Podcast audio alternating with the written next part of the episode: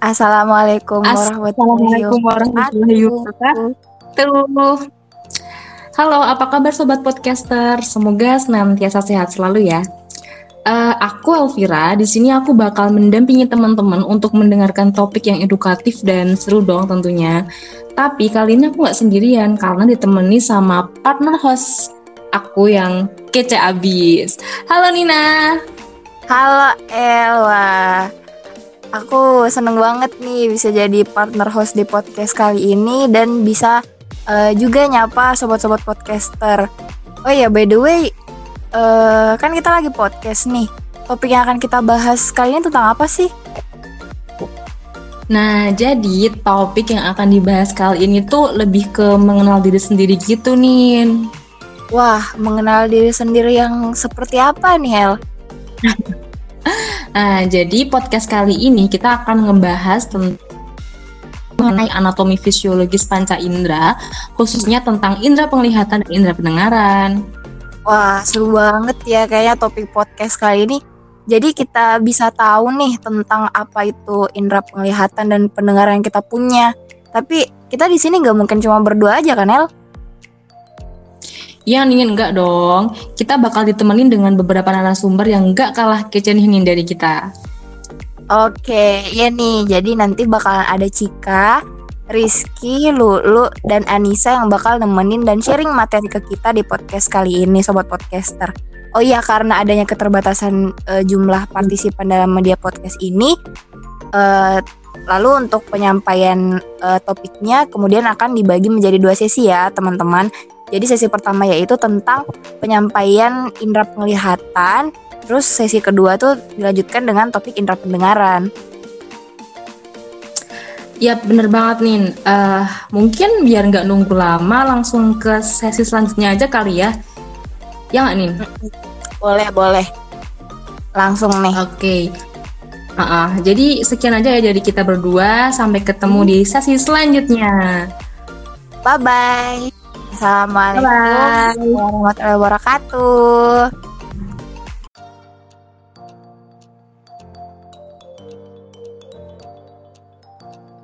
Kali ini kita berada di podcast sesi pertama yaitu membahas tentang sistem anatomi panca indera bagian penglihatan. Di sini udah ada dua peserta kita nih, ada Kak Cika dan Kak Rizky. Halo Kak Cika, halo Kak Rizky. Halo El. Halo El.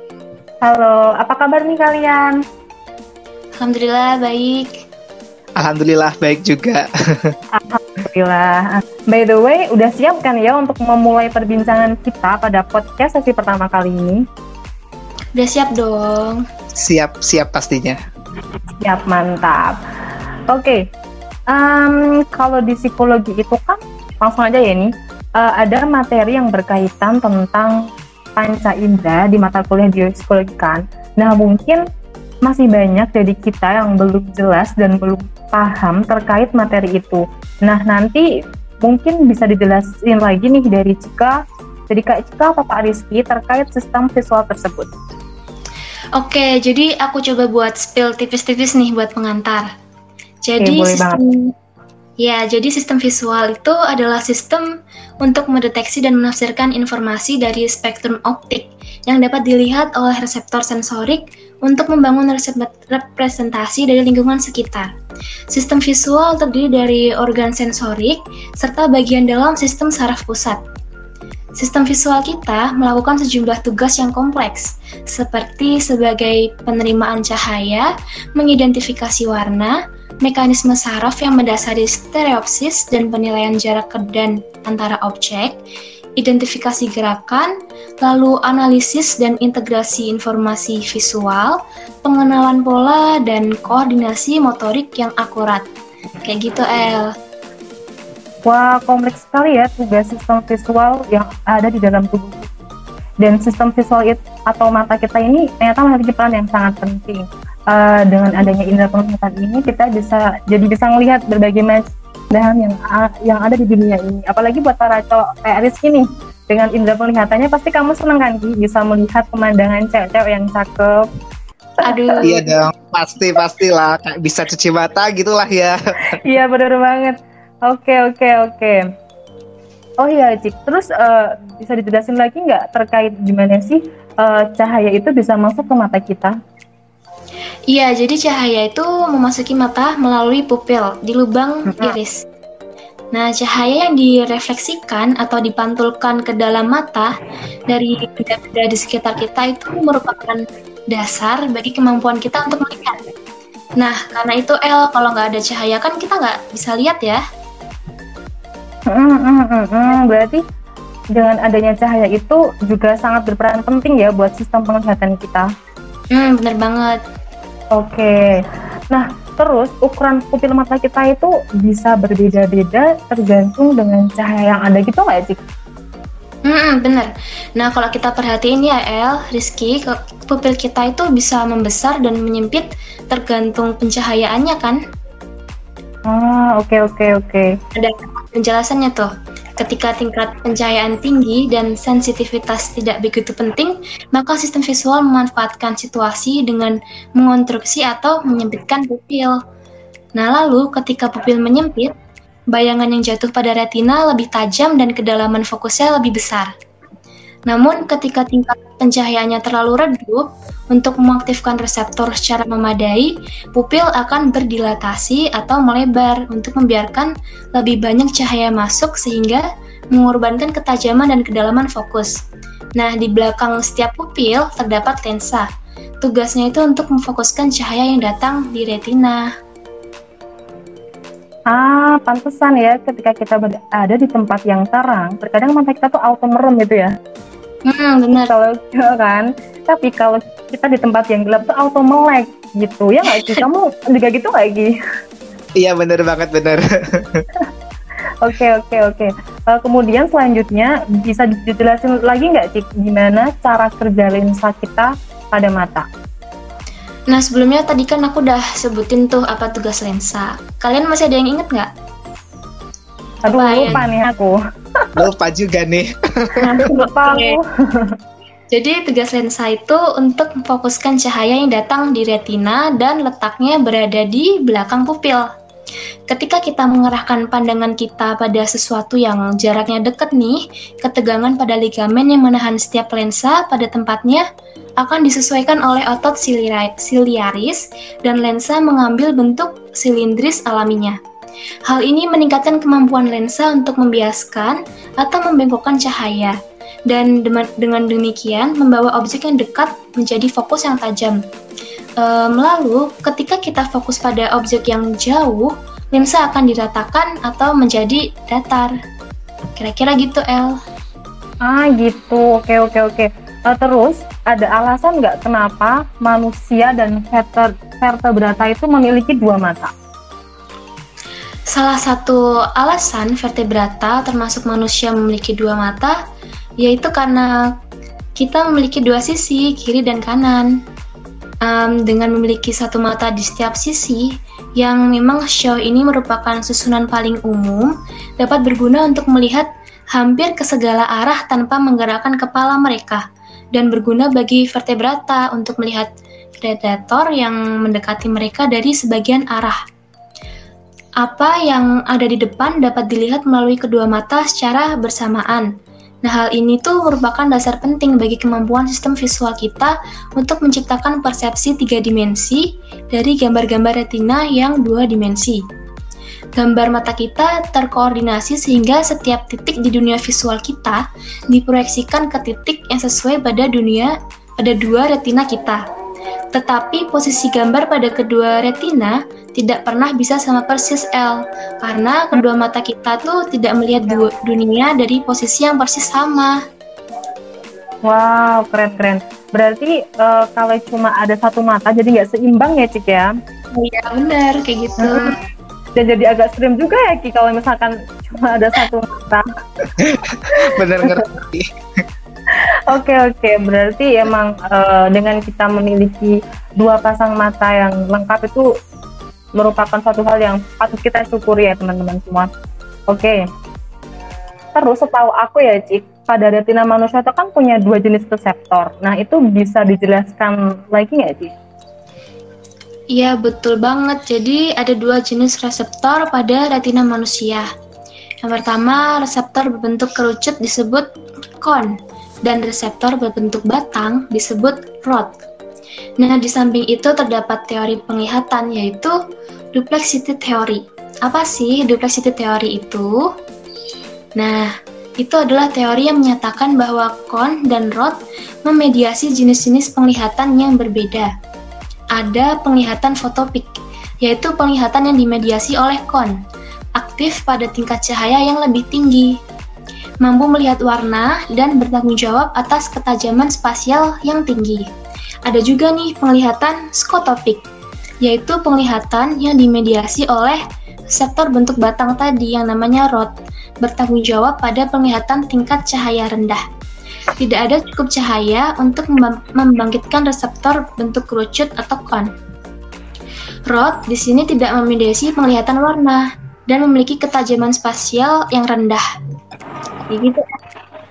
Oke, mantap sekali ya penjelasan dari Kak Cika ini. Luar biasa. Nah, tadi kan kita udah dengerin nih sedikit penjelasan terkait struktur mata dan hal lain hal-hal lainnya. Selanjutnya kita bakal dengerin juga nih tambahan dari Rizky. Jadi mungkin ini ya Ki, aku pengen tahu kok kita itu bisa ya melihat objek dengan mata kita. Hmm, Oke, okay. pertanyaannya menarik banget ya. Uh, mungkin aku sebelum jawab nih, aku mau nanya juga nih ke L dulu.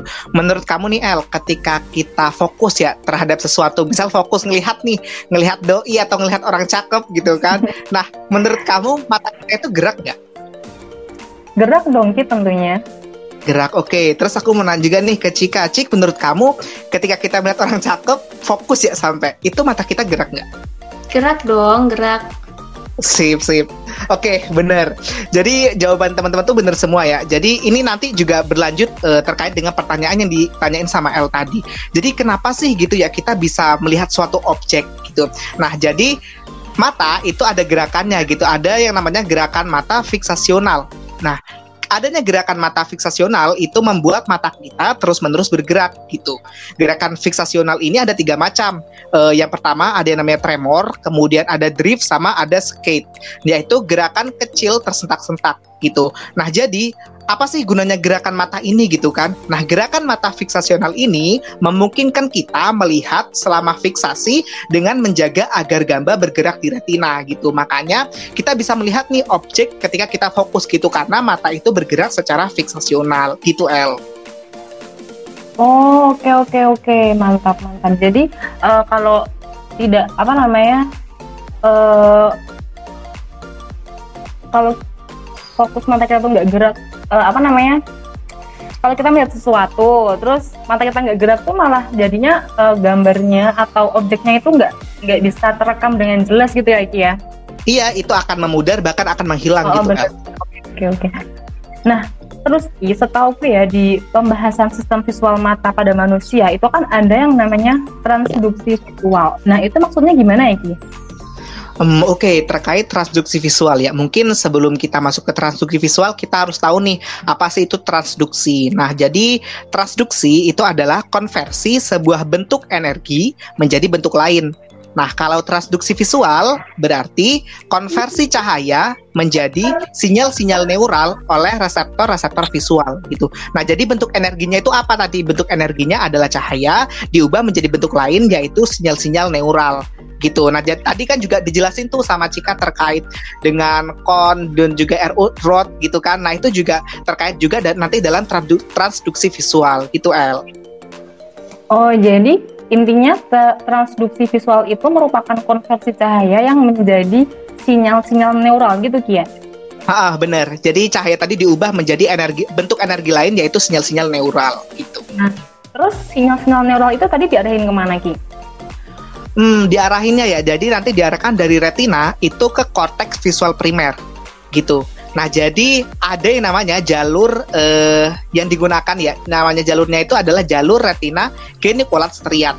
Nah, jadi atau bahasa Inggrisnya itu retina geniculate striate pathways gitu. Nah, jadi nanti akan uh, dalam jalur ini itu mengonduksi sinyal-sinyal dari masing-masing retina ke primary visual cortex atau cortex visual primer melalui lateral geniculate nuclei atau nuclei genucleat lateral gitu. Nah, jadi semua sinyal misalnya dari medan visual kiri mencapai korteks visual primer kanan, baik secara ipsilateral dari hemiretina temporal mata kanan atau secara kontralateral dari hemiretina nasal mata kiri gitu. Berlaku pun sebaliknya untuk semua sinyal dari uh, medan visual kanan gitu. Oke, uh, coba aku ulang lagi ya Ki buat memastikan bener enggaknya. Jadi sinyal dari medan visual kiri itu mencapai pada korteks visual primer kanan dan begitu juga sebaliknya gitu ya Ki ya? Ha, jadi intinya itu bergerak dari retina nanti diarahkan ke korteks visual primer gitu. Oke. Oh ya Ki, terus pada saat kita melihat suatu objek yang berwarna, nah itu apakah bergantung pada panjang gelombangnya? Um, terkait dengan warna itu benar banget. Jadi persepsi kita tentang warna objek itu banyak bergantung pada panjang gelombang cahaya yang dipantulkan ke dalam mata gitu. Jadi campuran panjang gelombang yang dipantulkan oleh eh, objek itu akan mempengaruhi persepsi kita tentang warna tersebut gitu. Nah mungkin juga aku mau sedikit kasih info gitu ya terkait dengan warna ini pun ada ada dua teori gitu yang menjelaskan mengenai kenapa kita bisa melihat warna gitu kan. Nah, ada yang namanya teori komponen atau trichromatic theory sama teori proses oponen. Nah, kalau teori komponen itu menyatakan bahwa ada tiga macam reseptor e, warna yang berbeda yang mana nanti warna itu adalah hasil dari campuran panjang gelombang dari setiap reseptor-reseptor tadi gitu. Jadi ada tiga reseptor yang e, ibaratnya menerima panjang gelombang dan itu akan e, menghasilkan suatu warna yang merupakan kombinasi dari ketiga reseptor tersebut. Nah, beda lagi kalau teori proses oponen. Nah, teori proses oponen itu menyatakan bahwa ada dua golongan sel yang berbeda dalam sistem visual untuk mengkode warna dan sebuah golongan kelas lain itu untuk mengkode brightness atau kecerahan gitu. Jadi terkait uh, teori proses oponen itu menyatakan bahwa ada dua golongan sel ya. Jadi ada yang bertugas untuk mengkode warna, ada yang bertugas untuk mengkode kecerahan berbeda dengan teori komponen tadi gitu L. Oke, berarti benar ya Ki, pada saat kita melihat warna itu bergantung dari panjang gelombang cahaya yang dipantulkan pada mata kita. Ya kan, Ki? benar banget, hmm, benar banget. Oke. Uh, kira-kira masih ada penjelasan yang lebih banyak lagi nggak kita terkait uh, sistem visual ini?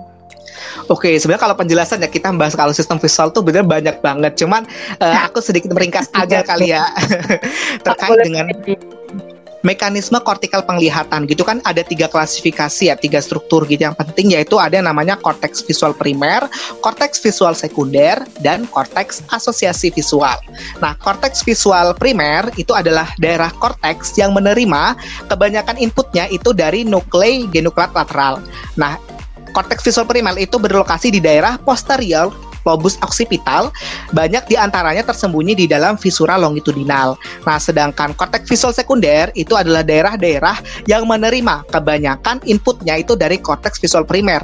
Nah, sebagian besar berlokasi di dua daerah umum, yaitu dalam korteks prestriat dan dalam korteks infrarot temporal. Kemudian ada yang namanya korteks asosiasi visual. Nah, yaitu daerah-daerah yang menerima input dari daerah-daerah korteks visual sekunder maupun daerah-daerah sekunder sistem sensorik lainnya yang berlokasi di beberapa bagian korteks cerebral. Tetapi daerah tunggal terbesar itu ada dalam korteks parietal posterior. Kemudian juga ini nih dalam sistem visual itu kita harus tahu ya bahwa ada yang namanya arus dorsal dan ventral. Nah, apa sih itu arus dorsal dan arus ventral gitu ya? Nah, sebenarnya itu harus dorsal dan ventral itu banyak e, mengondiksikan informasi dari korteks visual primer melalui berbagai daerah terspesialisasi di korteks sekunder dan korteks asosiasi. Nah, jadi arus dorsal itu mengalir dari korteks visual primer ke korteks prestriat dorsal lalu ke korteks parietal posterior. Nah, kebanyakan neuron korteks visual dalam arus dorsal itu merespon stimuli spasial, yang mana stimuli ini mengindikasikan lokasi objek atau arah gerakannya. Kemudian ada yang namanya arus ventral, yaitu mengalir dari korteks visual primer ke korteks prestriat ventral, lalu ke korteks inferotemporal. Nah, kebanyakan neuron dalam arus ventral itu merespons karakteristik objek, misalnya warna dan bentuk gitu.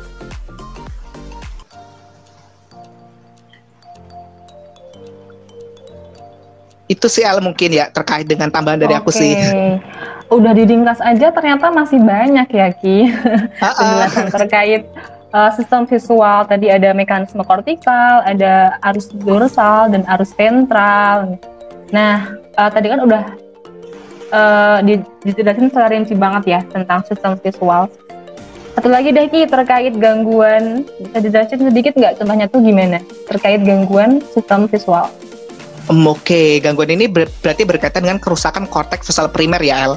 Uh, apa jadi ada beberapa gangguan sih. Mungkin aku sebutin tuh ada skotoma kemudian ada blind sight ada prospagnosia dan juga ada visual agnosia nah contohnya itu mungkin aku jelasin terkait prospagnosia lah. Prospagnosia itu adalah gangguan rekognisi di mana agnos, agnosia visual itu ada kesulitan spesifik dalam mengenali wajah-wajah. Jadi misal nih aku ngelihat uh, L atau ngelihat Cika gitu itu kayak oh ini Cika ini L gitu. Tapi orang yang memiliki gangguan prospagnosia itu memiliki kesulitan gitu. Jadi dalam mengenali wajah-wajah yang mereka pernah temui uh, bahkan itu orang-orang terdekat itu akan ada gangguan di mana mereka akan mengalami kesulitan terkait hal itu gitu. Itu satu ya bak, uh, kalau dijelasin itu sebenarnya banyak banget gitu. Cuman karena aku juga yeah, terbatas yeah, yeah. gitu ya. Mungkin itu sih sedikit dari aku. Tapi ini udah oke okay banget sih. Uh, jadi udah jelas banget gitu ya. Dari penjelasan yang diberikan dari Cika dan juga Rizky, daging semua pembahasannya ya, mulai dari struktur hingga proses-prosesnya. Nah, uh, sebelumnya aku terima kasih banyak nih buat dua narasumber hebat kita, Cika dan Rizky, yang udah mau sharing tentang tentang sistem visual atau indera penglihatan yang selama ini mungkin kita nggak banyak tahu tentang itu. Okay, thank you juga ya Cika. Cika tadi bener-bener kayak aku nambah banyak ilmu juga sih dari Cika, bener-bener luar biasa. ya, nambahin lain. Kasih El sama teman-teman sekalian. Ya, kalian luar biasa sekali sih. Oke, okay. uh, eh, mungkin untuk sesi pertama kali ini uh, bisa kita cukupkan sampai sini dan masih ada sesi berikutnya yang tentunya nggak kalah menarik yang akan diban yang akan dipandu oleh host Nina. Oke, mungkin sampai sini aja ya, teman-teman dan para narasumber. Oke, oke. Oke, sekian dari aku. Uh, mohon maaf kalau banyak kurangnya ya. Wassalamualaikum warahmatullahi wabarakatuh.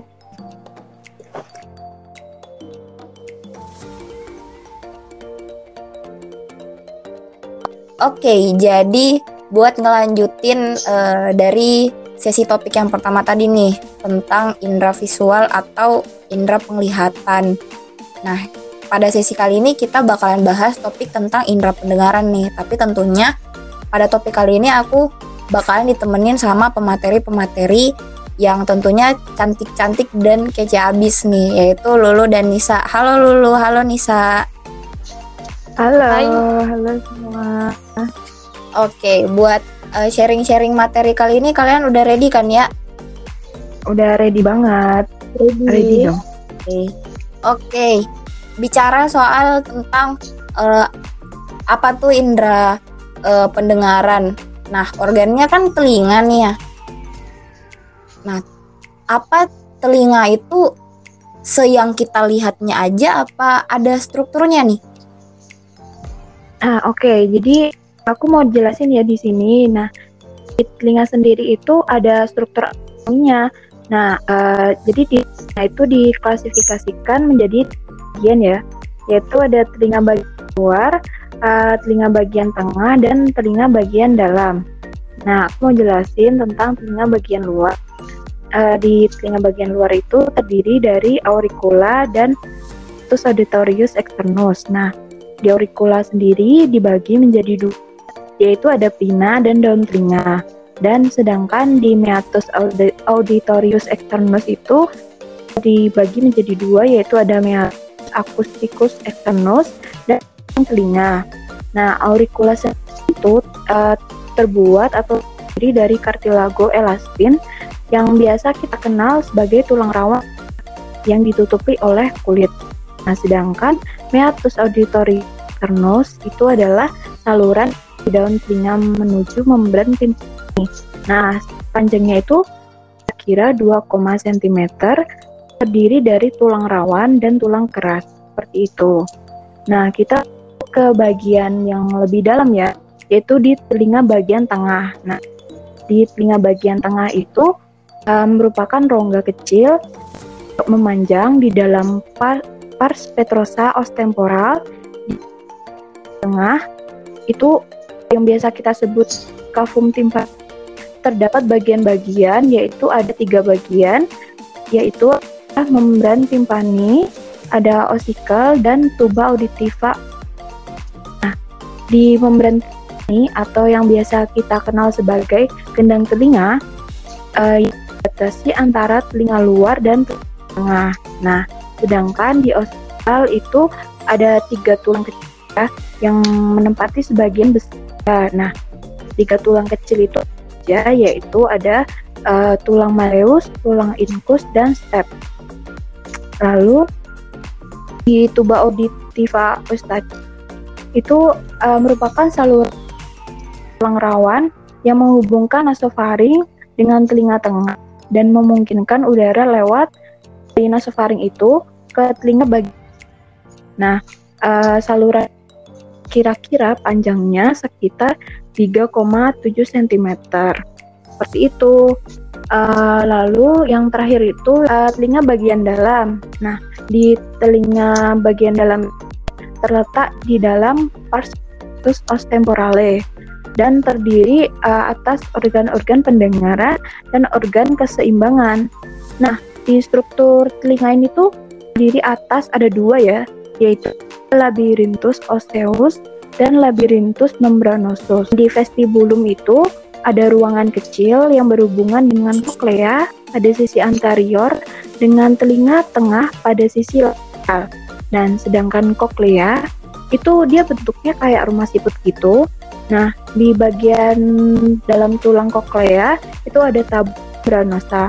Nah, di dalam koklea ini terdapat or organ yaitu struktur yang berjalan secara spiral ke arah atas koklea dan uh, jalanannya disokong oleh pilar sentralis yang melekat pada membran basalis. Nah, terus yang terakhir ada kanalis semisirkularis. Itu merupakan saluran setengah lingkaran yang terdiri dari tiga saluran dan mereka itu membentuk sudut seperti 90 derajat ya. Nah, itu ada ada kanalis semisirkularis superior, kanalis semisirkularis superior, dan kanalis semisirkularis lateralis. Nah, ke bagian selanjutnya ada labirintus. Nah, di uh, di bagian ini ada bagian ya, yaitu ada utriculus. Itu bentuknya kayak kantong lonjong gitu, agak gepeng ya. Dan itu ter tempatnya oleh jaringan ikat. Nah, uh, di dalam ini uh, saraf yang namanya nervus acousticus pada bagian depan. Uh, sedangkan pada bagian samping itu ada daerah yang lonjong disebut makula akustika. Nah, selanjutnya ada sakulus yaitu bentuknya kayak lonjong, tapi lebih kecil dari utriculus. Nah, letaknya itu pada bagian depan dan bawah dari vestibulum, uh, serta terpaut erat oleh jaringan ikat. Nah, di mana terdapat akustikus, yaitu saraf tadi ya. Sedangkan ada yang namanya ductus semisirkularis. Nah, ini terdiri dari tiga tabung selaput semisirkularis yang berjalan dalam kanalis semisirkularis yang tahu ada yang kanalis semisirkularis superior, ada kanalis semisirkularis posterior dan uh, kanalis semisirkularis lateralis. Nah, yang terakhir ada bagian namanya ductus cochlearis. Itu merupakan saluran yang bentuknya agak uh, kayak bentuk segitiga gitu. Nah, seolah-olah membentuk atau buat batas pada koklea timpani. Atap ductus cochlearis dapat membran yang namanya vestibular. Nah, pada alasnya itu ada membran yang namanya basilaris. Itu. Jadi uh, ya lumayan ini ya agak sulit di bagian strukturnya ini karena memang kompleks seperti itu. Nah, jadi emang sekompleks itu ya ternyata anatomi di telinga tuh. Nah, iya benar banget. Bicara tentang telinga nih, ya kan? Gak jauh-jauh dari yang namanya suara. Terus suara tuh sebenarnya apa sih? Suara tuh nampak gak sih? Mungkin bisa dijelasin nih. Nah, oke. Okay. Jadi uh, suara itu apa? Nah, suara itu uh, adalah hasil dari pergerakan atau vibrasi. Nah, vibrasi itu adalah getaran dari suatu benda ya Nah, jika suatu bendanya itu gerak, maka akan menimbulkan molekul udara di depannya. Eh, apa molekul-molekul tersebut itu akan terdorong seperti itu. Nah, molekul-molekul itu mendorong molekul lain dan kemudian kembali pada posisi awal. Nah, dengan cara ini gelombang bahan tekanan ditransmisikan ke udara. Nah, sehingga kita bisa mendengar uh, suara-suara. Nah, itu karena adanya uh, molekul udara seperti itu. Nah, selanjutnya aku mau jelasin nih tentang mendengar. Nah, kalau tadi kita udah jelasin tentang suara, tentang mendengar ya. Nah, jadi uh, kalau kita kalau ada suara, pasti kita juga bisa mendengar kan. Nah, jadi mendengar itu adalah kemampuan untuk mendeteksi tekanan vibrasi udara tertentu dan menginterpretasikannya sebagai bunyi. Nah, telinga akan meng mengkonversi energi gelombang tekanan menjadi impuls saraf dan cerebri mengkonversi impuls ini menjadi bunyi. Nah, ini memiliki frekuensi, amplitude, dan bentuk gelombang. Nah, frekuensi osilasi gelombang bunyi itu merupakan kecepatan osilasi gelombang udara per unit waktu. Seperti itu. Jadi adanya kemampuan untuk mendeteksi tekanan vibrasi dan menginterpretasikannya menjadi bunyi seperti itu. Oh, seperti itu ya ternyata. Jadi suara nih nggak kita denger terus langsung jadi suara gitu ya. Ada ada ininya juga, ada ada, namanya? Ada prosesnya. Ya, uh, uh, gitu.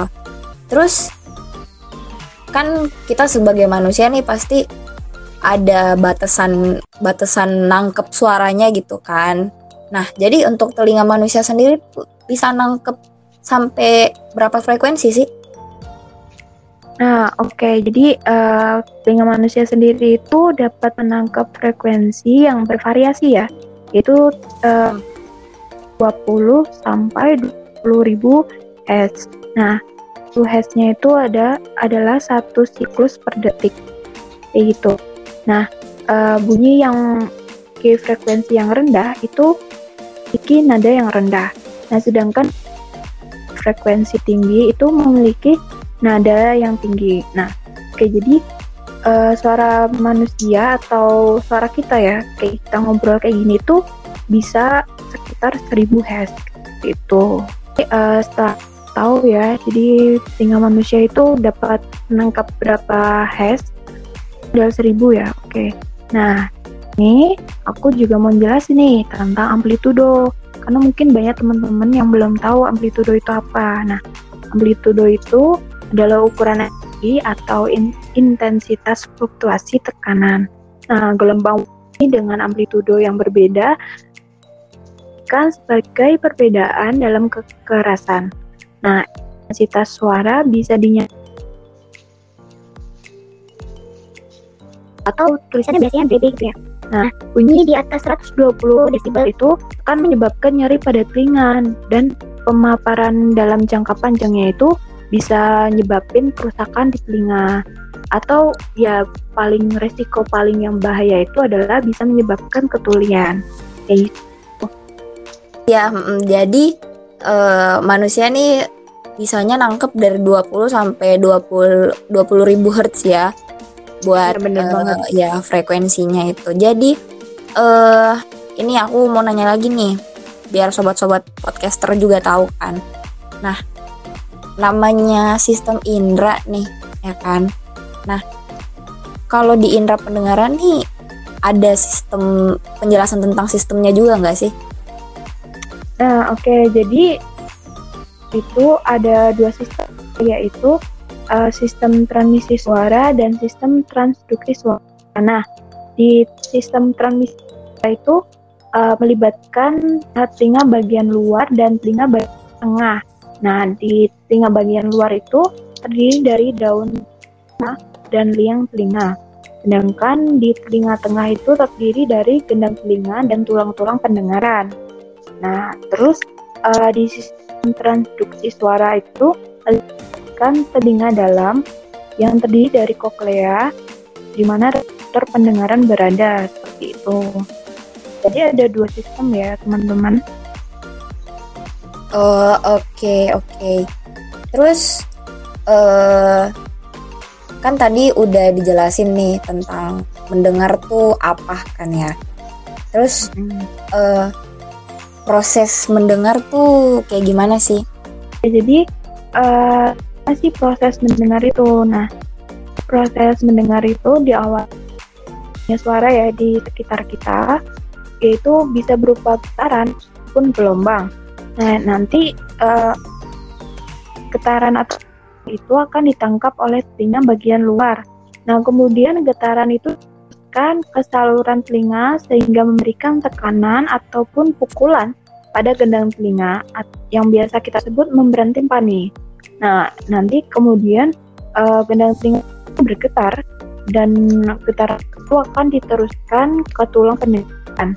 Nah, lalu tulang pendengaran akan memperkuat getaran ini dan mengirimkannya ke telinga bagian dalam. Nah, saat mencapai telinga bagian dalam itu, getaran akan diubah menjadi impuls listrik dan apa dan akan dikirim ke saraf pendengaran pada otak seperti itu. Nah, nanti otak akan menerjemahkan impuls ini sebagai suara itu. Tapi prosesnya ini pasti cepat, nggak nggak lama. Jadi langsung apa ya kayak refleks gitu. Mm-mm, kalau terlalu lama juga ya kita bakalan lama lama mendengarkan gak sih tentang suara-suara itu? Ya bener banget. Jadi memang prosesnya banyak itu berjalan dengan cepat seperti itu. Oke, jadi masya Allah sekali ya sistem indera pendengaran kita nih. Iya Nah, bener banget. mm, tadi udah dijelasin banyak nih, mulai dari tentang anatomi, supraanatomi, terus suara, terus eh, proses mendengar tuh seperti apa. Aku dan sobat-sobat podcaster nih pengen tahu nih, bisa dijelasin gak sih eh, tentang mungkin kelainan indera pendengaran tuh apa aja gitu? Nah, bener banget. Jadi, sama seperti indera lainnya, di indera pendengaran juga ada kelainan atau gangguannya ya. Secara garis besar, gangguan indera pendengaran ini dapat dibedakan menjadi dua. Yang pertama, gangguan pendengaran konduktif, yaitu penurunan pendengaran yang diakibatkan oleh adanya hambatan pada hantaran gelombang suara di telinga luar atau telinga tengah. Nah, gangguan ini dapat terjadi oleh karena adanya benda asing, penimbunan kotoran telinga, atau infeksi pada telinga tengah. Nah, yang kedua, gangguan pendengaran sensori neural, yaitu penurunan pendengaran akibat disfungsi dari organ korti, saraf auditorius, atau otak. Gangguan ini dapat terjadi oleh karena selalu terpajan pada suara bising secara terus-menerus setelah mendapatkan pengobatan yang bersifat ototoksik atau karena pengaruh penyakit sistemik. Jadi begitu ya kira-kira eh, gangguan yang ada di indera pendengaran. Wah, berarti emang indera pendengaran nih harus dijaga dengan baik ya. Buat yes, banget. kita tetap bisa bisa mendengar gitu, bisa menjalankan fungsinya dengan normal. Nah, tapi aku tuh pernah pernah denger gitu. Kalau telinga tuh merupakan organ keseimbangan tubuh. Itu tuh bener gak sih? Nah ya itu itu benar sih. Jadi perlu diketahui bahwa telinga ini nggak cuma berfungsi sebagai indera pendengar ya, tetapi juga berfungsi dalam menjaga keseimbangan tubuh. Pada telinga bagian dalam terdapat bagian berbentuk semi lingkaran berisi cairan endolimfa dan sensor gerakan yang menyerupai rambut-rambut halus. Bagian ini dikenal dengan kanalis semisirkularis. Kanalis semisirkularis ini dihubungkan oleh bentukan seperti kantung, yaitu utriculus, dan saculus yang juga memiliki sensor gerakan. Nah, ketiga organ ini yang sama-sama berperan dalam menjaga keseimbangan tubuh. Jadi, saat badan kita bergerak, cairan di dalam organ ini juga akan ikut bergeser, sehingga menggerakkan rambut-rambut halus di dalamnya. Nah, habis itu, sensor gerak dan keseimbangan akan mengirim pesan ke otak untuk memberitahu bahwa tubuh kita nih harus tetap menyeimbangkan tubuh. Nah, kemudian otak akan merespon ini dengan memberi perintah kepada otot-otot di seluruh tubuh untuk berkoordinasi, sehingga tubuh berada dalam keadaan yang seimbang. Sistem inilah yang membuat kita bisa uh, tetap berdiri tegak ya ketika berada dalam lift uh, atau tetap bisa duduk dengan tenang di dalam mobil yang uh, sedang melaju. Nah, tapi fungsi tadi itu didukung oleh kerjasama dengan organ lain, seperti telinga bagian dalam, berbagai reseptor tubuh seperti kulit, persendian, dan otot, dan juga mata. Nah, organ-organ tersebutlah yang akan menerima informasi mengenai posisi tubuh dan mengirimkannya ke otak untuk diproses. Nah, dengan begitu, otak dapat mengatur arah kepala dan gerakan tubuh untuk menyesuaikannya. Oh, jadi seperti itu ya jadi emang bener bener nih berarti telinga dengan koordinasi yang baik juga dengan uh, apa organ-organ tubuh yang lain bisa menjaga keseimbangan tubuh manusia nih berarti emang emang bener ya nih telinga tuh indera pendengaran tuh gak kalah pentingnya dengan uh, panca indera yang lain. Oke terus Iya, aku bener. ada sedikit pertanyaan lagi nih mungkin pertanyaan pertanyaannya terdengar sepele mungkin ya cuman mungkin sobat-sobat podcaster juga uh, di sana uh, pernah nanya nih tapi kayak lo kok gak nemu jawabannya ya? Mungkin uh, bisa terjawab ya pada kesempatan kali ini. Jadi uh, mau nanya nih tentang uh, suara lagi nih. Kan kita kalau dengar suara tuh bisa langsung tahu nih sumbernya dari mana dari depan ke belakang kanan kiri. Ah itu tuh kok bisa sih kayak gitu? Ada penjelasan khususnya nggak? Gimana tuh? Nah jadi manusia tuh memang bisa membedakan lokasi suara berasal ya. Hal ini sendiri disebabkan oleh otak yang mampu mengambil kesimpulan dari perbedaan intensitas wait ulang ya mm -hmm. Oke, jadi manusia memang bisa membedakan lokasi suara. Hal ini disebabkan karena otak yang mampu mengambil kesimpulan dari perbedaan intensitas suara berasal, entah itu dari telinga kanan atau telinga kiri. Ketika sumber suaranya berasal dari kanan, maka telinga kanan akan menerima gelombang suara yang lebih besar dibanding telinga kiri, sehingga menghasilkan impuls listrik yang berbeda. Nah, kedua impuls listrik ini akan dibawa ke otak, dan otak akan menyimpulkan bahwa sumber suara dari kanan. Jadi gitu ya, uh, alasan kenapa sih ketika kita dengar suara tuh kita langsung tahu arahnya dari mana. Jadi ada ada gelombang suara yang diterima tuh dari kanan atau kiri tuh lebih besar gitu ya, masuk ke telinga kita. Iya, benar. Iya, oke. Okay. Terus satu lagi nih pertanyaan yang cukup sepele. Sering kali kita tuh uh, apa telinganya denging gitu kan. Itu itu benar-benar buat gak nyaman gitu loh. Kenapa sih denging tuh bisa buat telinga kita gak nyaman gitu loh? Yes, benar. Jadi denging ini membuat telinga kita nggak nyaman ya. Hal ini sendiri disebabkan oleh denging yang dapat merangsang respon emosional dan fisiologi seseorang. Jadi sebenarnya denging ini bukan merupakan suatu yang normal untuk didengar. Ada bagian otak tertentu seperti amigdala yang akan mengasosiasikan denging ini sebagai suatu sinyal untuk memberikan respon atau alarm tubuh gitu yang ditandai dengan rasa tidak nyaman, panik, atau merasa terganggu. Gitu. Jadi uh, misalnya kita dengar denging nih entah kenapa hmm? uh, refleks mungkin kita langsung jauhin sumber suaranya atau kita nutup telinga gitu ya. Paling sering kayaknya nutup telinga gak sih? Biar langsung nyelamatin telinga nih. Dari ya, suara benar-benar oke. Okay. wah jadi se kompleks itu ternyata indera pendengaran ya. Tadi udah dijelasin iya. dari A sampai Z-nya indera pendengaran tuh apa aja gitu kan. Jadi buat sobat-sobat podcaster nih indera pendengaran tuh gak sesimpel atau oh cuman telinga doang nih yang kita lihat sehari-hari tuh gak gitu ternyata guys. Ternyata ada banyak uh, yang kita mungkin masih banyak dari kita yang nggak tahu bagian-bagian telinga bahkan sampai ke kelainan-kelainan dan fun fact tadi tentang telinga tuh sebagai organ keseimbangan tuh mungkin banyak yang belum kita tahu dan udah kita kupas tuntas habis di sini. Nah, jadi untuk uh, Lulu dan Anissa, terima kasih atas penjelasan kalian nih yang sudah sudah banyak uh, apa memberikan ilmu ke sobat-sobat podcaster kita. Terima kasih banyak.